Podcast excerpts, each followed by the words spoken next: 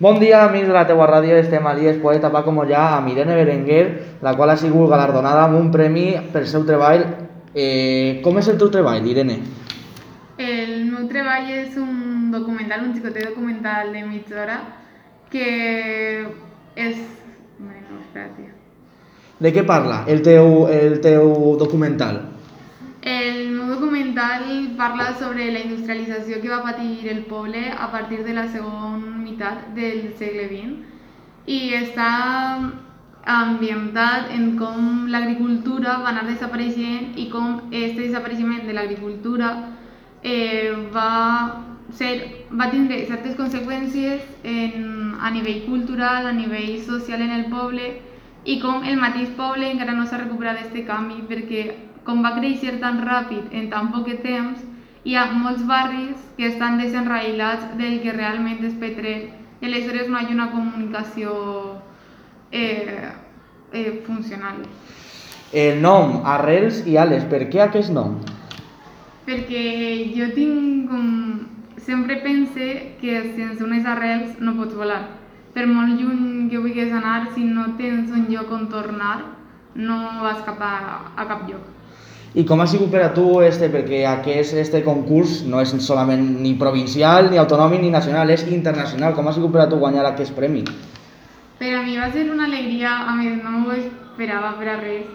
I també, més que el premi, me va agradar molt el desenvolupament de treball perquè vaig comptar en l'ajuda de persones del poble que me van, me tot, donat tot el seu recolzament com Fernando Tendero, el director del museu, o Mari Carmen Rico, eh, Vicent Brotons, el Dele i Antoñita, que és la secretària de la cooperativa, i el mateix president de la cooperativa també me va obrir les portes, me va a mostrar tota l'almàcera, me va explicar com funciona en l'actualitat eh, el món de l'agricultura petrer i entre tots me van ajudar moltíssim a, a tindre tota la documentació. És més, el documental en si són ells parlant de les preguntes que jo, jo es faig. Aleshores ha sigut un treball molt d'investigació, perquè t'has mogut tant per història, per totes les arrels eh, de l'agricultura en Petrer, perquè Petrer és un, és un poble amb molt d'agricultura i molta, molt, molt treball de camp, veritat?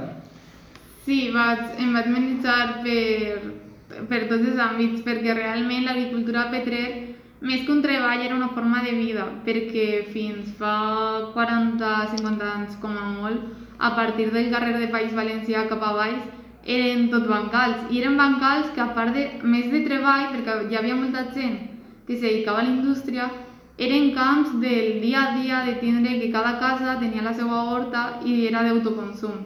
Aleshores era un estil de vida més allà d'un treball.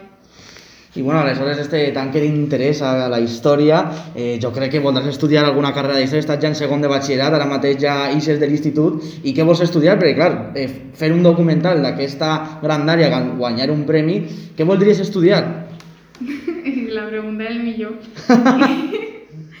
I realment no ho tinc per a res clar, perquè jo exactament estic fent el batxiller científic, que no té res a veure en, realment en la història, però sempre he tingut aquest interès i segurament m'agrada molt la carrera d'arquitectura i desenvolupar-la per a després especialitzar-me en conservació de patrimoni arquitectònic.